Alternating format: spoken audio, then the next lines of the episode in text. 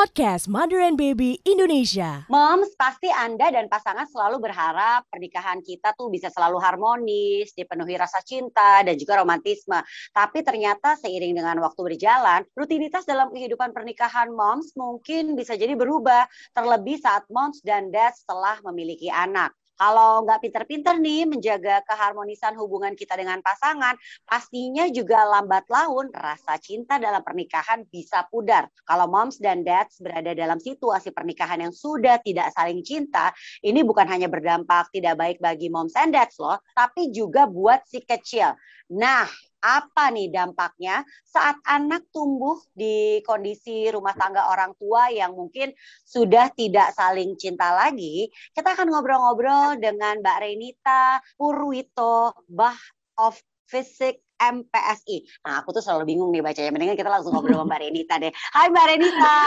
Hai Mbak Enji. Halo Moms. Mbak Renita adalah psikolog klinis dan keluarga ya Mbak Renita ya. Mungkin ya, lebih benar. mudahnya itu ya Mbak Renita ya. ya. Mbak Renita, tentunya bukan suatu keinginan kita ya bahwa sebuah rumah tangga itu sudah tidak ada cinta lagi ya karena tadi seperti saya sampaikan di awal selain itu berdampak pada pasangan suami istri untuk mom and dad sendiri ini juga pastinya berdampak pada anak ya nggak sih Mbak Renita? Iya, bener banget. Pasti kan kita waktu kita mulai menikah itu kan kepengennya ya harapannya, ekspektasinya tuh selalu baik-baik aja. Mungkin ada konflik, tapi pasti kita bisa menyelesaikannya. Cuman dalam pernikahan namanya prakteknya itu kan nggak seindah impiannya Betul, ya Mbak Inji ya. Setuju, setuju. Mbak Renita, eh, apa sih sebenarnya yang membuat tuh pasangan suami istri atau moms and dad itu udah nggak saling cinta lagi seiring usia pernikahan yang terus bertambah? Atau hmm. memang karena faktor kehadiran anak? Atau hmm. memang uh, rumah tangga yang monoton? Aktivitas yang dilakukan itu itu itu itu itu itu aja gitu selama bertahun-tahun akhirnya kan jadinya terjadi kebosanan gitu. Apakah ya. itu mbak Renita itu adalah salah satunya sih mbak Enji. Jadi kita kan nggak bisa dipungkiri juga ya sebagai parents itu kan kita kan punya peran-peran penting yang memang tidak bisa tidak kita lakukan gitu. Jadi harus dilakukan. Oh. apalagi ketika kita udah punya anak gitu ya yang tadinya kita cuma ngurusin suami sekarang kita jadi punya uh, bayi lagi nih kita harus urusin. Iya kalau bayinya satu, nanti punya anak hmm. dua, tiga, begitu seterusnya. Nah peran kita itu akan menjadi kegiatan yang kita ulang sehari-hari sehingga menjadi rutinitas gitu ya. Hmm. Nah hmm. itu juga seiring dengan berkembangnya peran, penting juga kita untuk menyesuaikan atau melatih komunikasi kita sama pasangan gitu. Karena kalau komunikasinya gitu-gitu aja, tapi perannya berubah-berubah terus, yang ada nanti kita jadi sulit untuk menyelesaikan konflik-konflik yang datang. Misalnya konfliknya bukan harus yang besar ya Mbak. Misalnya konfliknya kecil yang kayak kamu nih nggak pernah punya waktu deh buat aku. Sekarang aku nggak pernah disiapin sarapan lagi. Itu kan kayaknya kecil banget ya. Cuman kalau itu nggak dikomunikasikan itu bisa jadi satu potensi konflik yang menjadi besar nantinya. Nah itu um, selain yang tadi Mbak Enji sebutkan, memang perubahan peran, terus udah gitu karena punya anak nggak pernah punya punya waktu lagi atau rutinitas hmm. gitu ya. Nah, hmm. komunikasi itu jadi salah satu kunci penting karena dia jembatannya nih antara hmm. mom sama dad. Gitu. Oke oke. Jadi dengan komunikasi yang baik sebenarnya apa pun masalahnya dalam artian tadi ya mungkin dengan hadirnya anak, kesibukan dan rutinitas yang ya. yang terus berulang itu bisa diomongin kayak misalnya gini, aku tuh capek loh hari ini kayak dari kemarin si kecil rewel, aku boleh nggak sih hari ini uh, mau nonton drakor sebentar aja. Itu sebenarnya kan bisa ya dikomunikasikan. Bisa untuk, banget. Iya, ya, itu justru yang uh, uh, itu justru ya. yang bisa membuat membuat kita atau membantu kita sebagai pasangan tuh saling mengerti karena mm-hmm. uh, let's face the truth bahwa kita itu masing-masing ya si suami dan istri nih mom and dad nih bukan peramal yang bisa membaca Betul. pikiran masing-masing. Jadi komunikasi okay. itu penting banget. Nah, gimana nih supaya kehadiran anak tuh tidak membuat pasangan suami istri jadi kehilangan keharmonisan yang sampai akhirnya menimbulkan tidak ada lagi rasa cinta di antara mereka karena kan lumayan sering ya kita melihat perubahan perilaku pasangan nih kalau hmm. nggak momsnya, dadsnya sejak kehadiran si kecil. Padahal kita tahu kehadiran si kecil itu kan merupakan bumbu kebahagiaan dalam sebuah pernikahan yang akhirnya membuat kayak ada satu rutinitas yang berbeda ya nggak sih Mbak? Ya, benar banget. Jadi uh, kalau misalnya udah ada kehadiran si kecil, selain tadi komunikasi, kita tuh juga sering uh, harus sering-sering observasi dan hmm. apa namanya tuh ya uh, introspeksi. Yang okay. namanya jadi orang tua, kita selalu bisa belajar dari buku, tapi kemudian prakteknya itu uh, kita juga harus menyesuaikan dengan kondisi kita, gitu ya. Mungkin hmm. kan pasti di perjalanan kita sebagai orang tua itu punya satu, dua, tiga, atau bahkan banyak keluhan keluhan yang seharusnya disampaikan ke pasangan, tapi kalau itu tidak disampaikan ke pasangan malah bisa menjadi konflik gitu. Nah, salah satunya Betul. adalah dengan bekerja sama sebenarnya. Ya karena kita parents ya, jadinya bikinnya berdua, terus sudah gitu. Hmm, harusnya berdua, berdua ya. Iya. Jadi ya, ya, ya. dihilangkan deh tuh peran-peran yang oke, okay, ayah kan uh, tugasnya adalah cari nafkah, ibu adalah mengurus rumah. Nah, itu tuh sebetulnya di kita ya parenting milenial sekali ya sekarangnya itu tuh seharusnya udah dicoret gitu dalam ya, buku catatan gitu. Jadi kita semuanya hmm. ngejalanin berdua. Ya, apalagi kalau tadi berbicara soal orang tua orang tua para milenials ini, mereka kan juga banyak perempuan yang bekerja, ya kan perempuan yang Betul. juga memiliki aktivitas, yang ya. akhirnya juga memiliki kesibukan juga selain kesibukan di dalam rumah ya nggak sih Mbak Renita? Yes, nah, benar Mbak Renita, kita perlu ya. tahu nih tanda-tanda nih bahwa sebenarnya tanda bahwa anak itu tumbuh dalam kondisi di rumah tuh udah nggak penuh kasih sayang bukan hmm. ke anaknya ya mbak ya tapi kan mungkin kan kayak tadi ke anak tuh pasti perhatiannya tetap besar tapi kan pasti kan di saat orang tua mungkin hubungannya udah mulai nggak harmonis uh.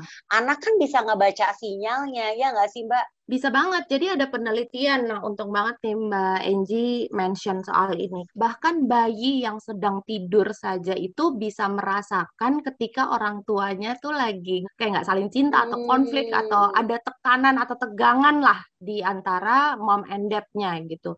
Kalau bayi yang sedang tidur aja ternyata penelitiannya ditunjukkan bahwa dia bisa merasakan, apalagi anak-anak yang sudah lebih besar dari bayi dan lagi nggak iya. tidur iya. gitu. Jadi mm -mm, mereka sebenarnya bisa merasa, cuman kan namanya anak-anak ya pasti kan diem aja atau nggak mau betul. menunjukkan gitu ya. Mm -mm, Jadi mm -mm. kitanya yang sebagai orang tua memang harus hati-hati ya dalam ketika menyelesaikan konflik dengan pasangan kita. Gitu. Oke, nah tandanya apa nih Mbak? Kalau anak kita tuh nangkep sinyal tersebut, nangkep bahwa orang tuanya tuh nggak harmonis hubungannya. Nah. Terlihat nggak sih Mbak? Mungkin mereka nggak ngomong, tapi kan mungkin ya.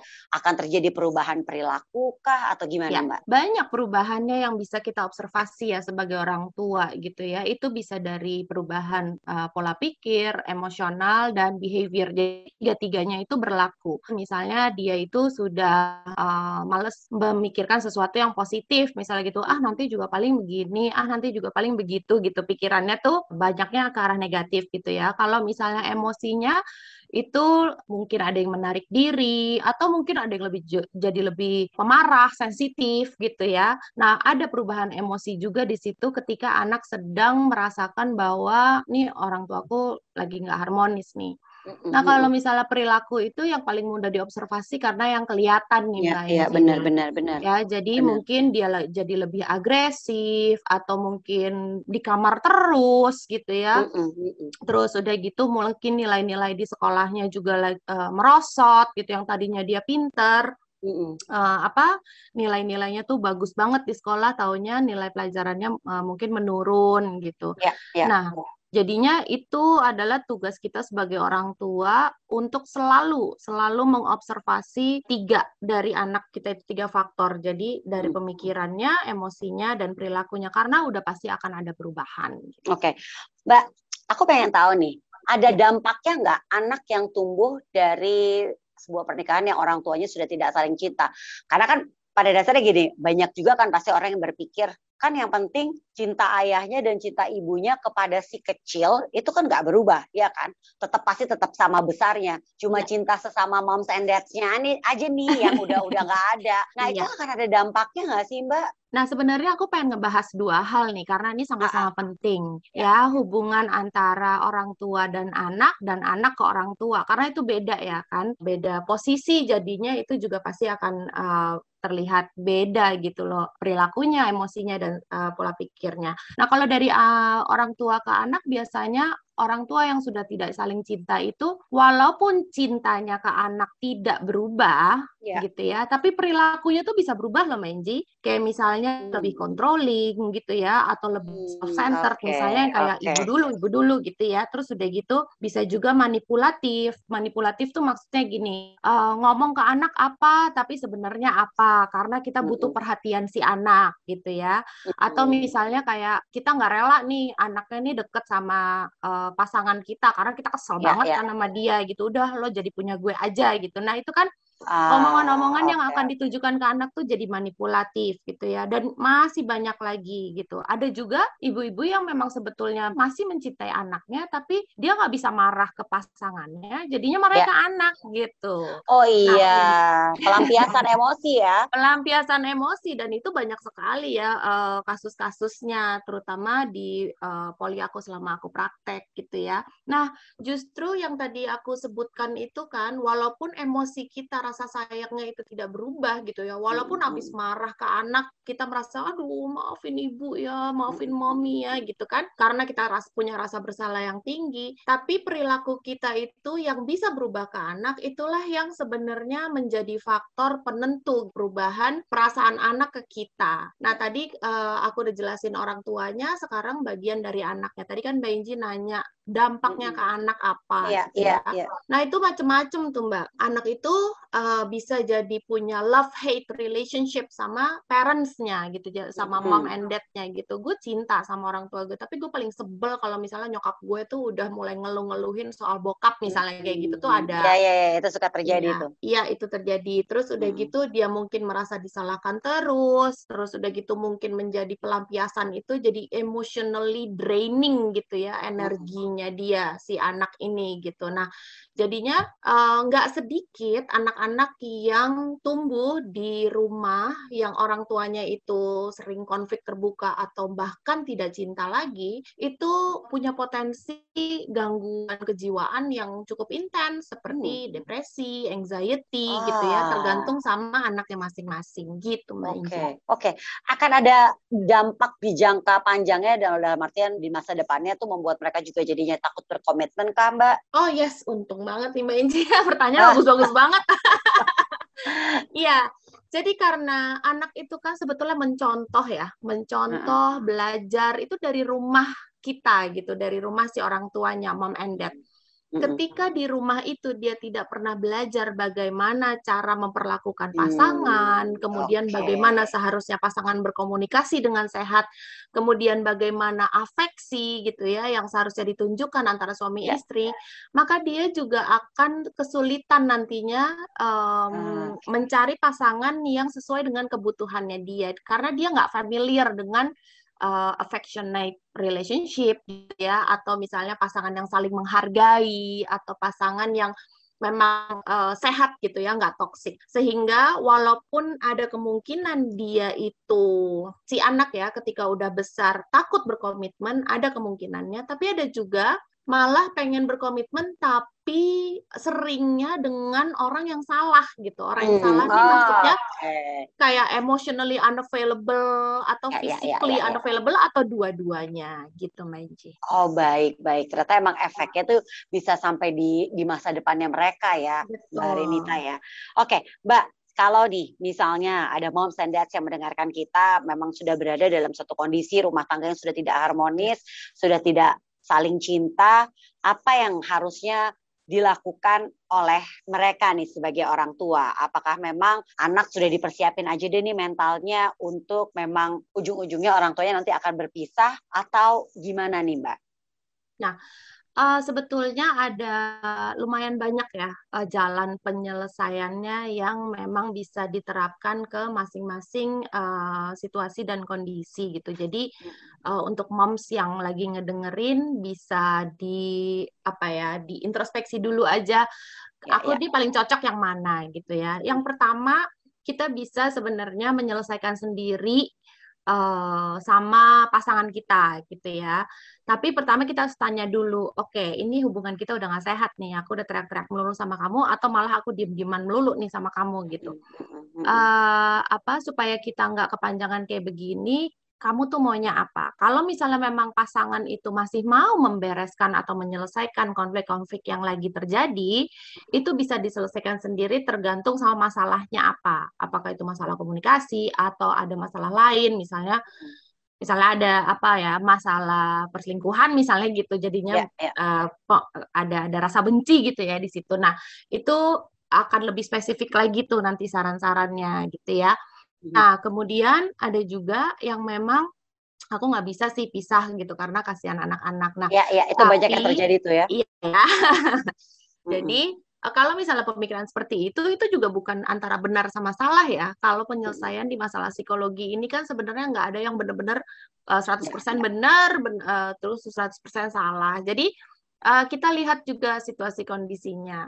Oke, okay, aku udah nggak cocok sih sama kamu, tapi bisa nggak kita kerja sama untuk menjadi parents?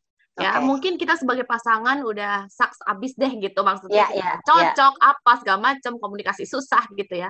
Tapi meet me in the middle, ketemu hmm. saya di tengah untuk menjadi parents yang terbaik buat anak-anak kita. Karena okay. banyak juga mom and dad yang berhasil tuh melakukan itu. Iya, iya, betul, betul, betul, betul. Ya.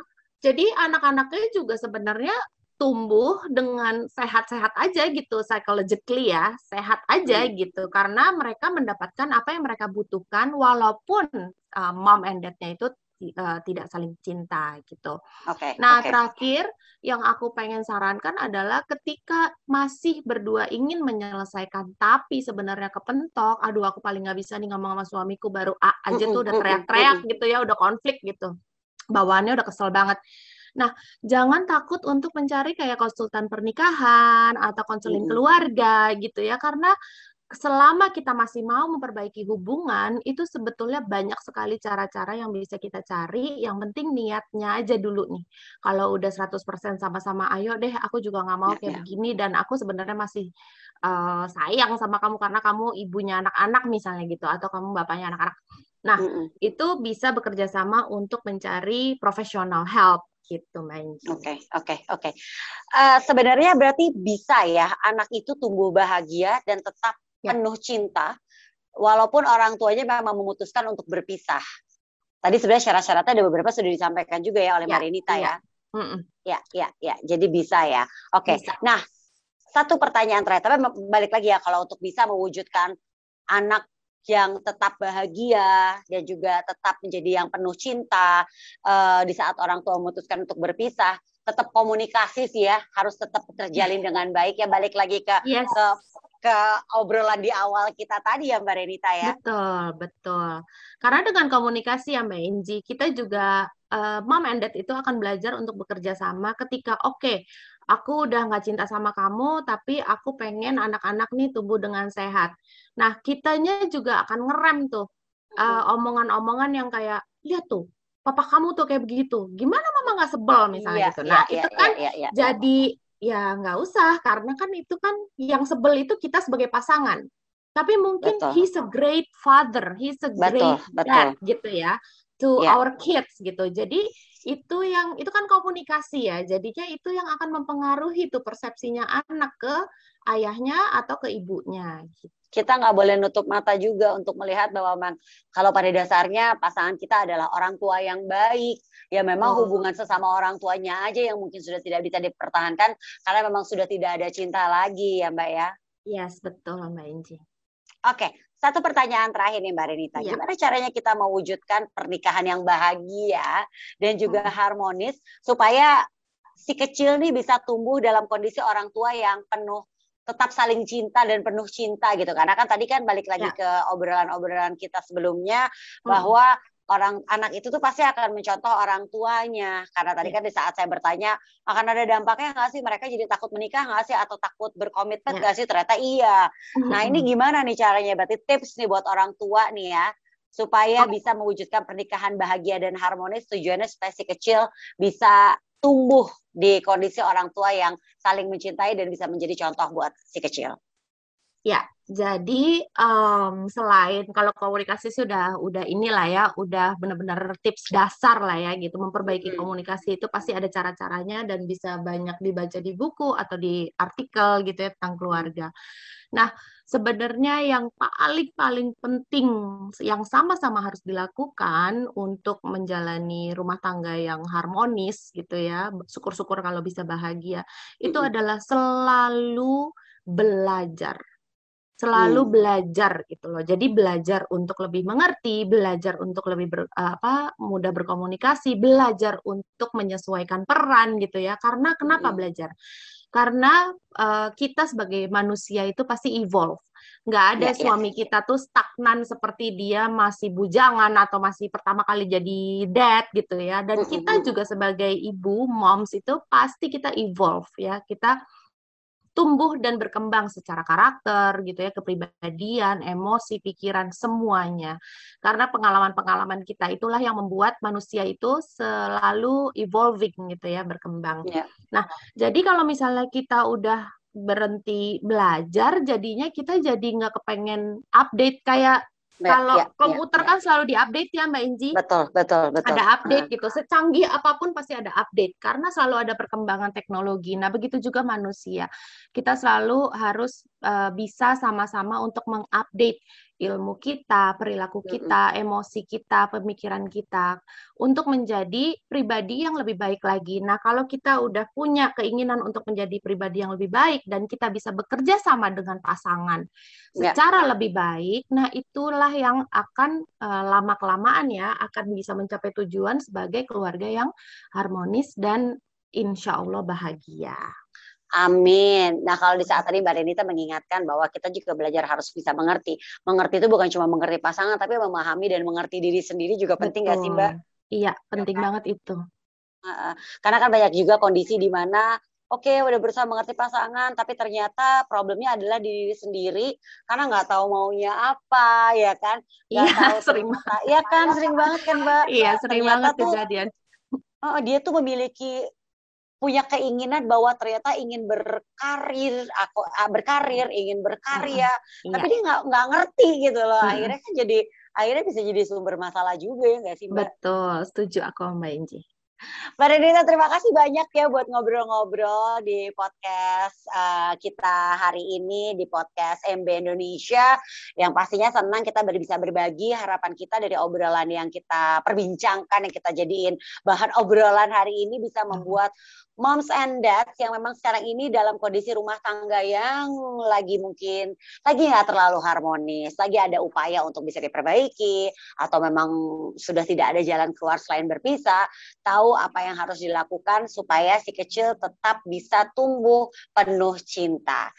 Terima kasih banyak Mbak Renita. Sama-sama Mbak Inji, terima kasih udah undang terima aku kasih. dan mom semua yang udah dengerin. Terima kasih semuanya. Saya Revita Inji, editor chief MB Indonesia mengucapkan terima kasih. Bye. Bye. Thank you for listening to podcast Mother and Baby Indonesia. Untuk info menarik lainnya, klik www.motherandbaby.co.id serta follow Instagram dan Twitter at motherbabyInd, Facebook Mother and Baby Indonesia, dan subscribe YouTube channel Mother and Baby Indonesia. Mother and Baby, the leading pregnancy, baby, and children media.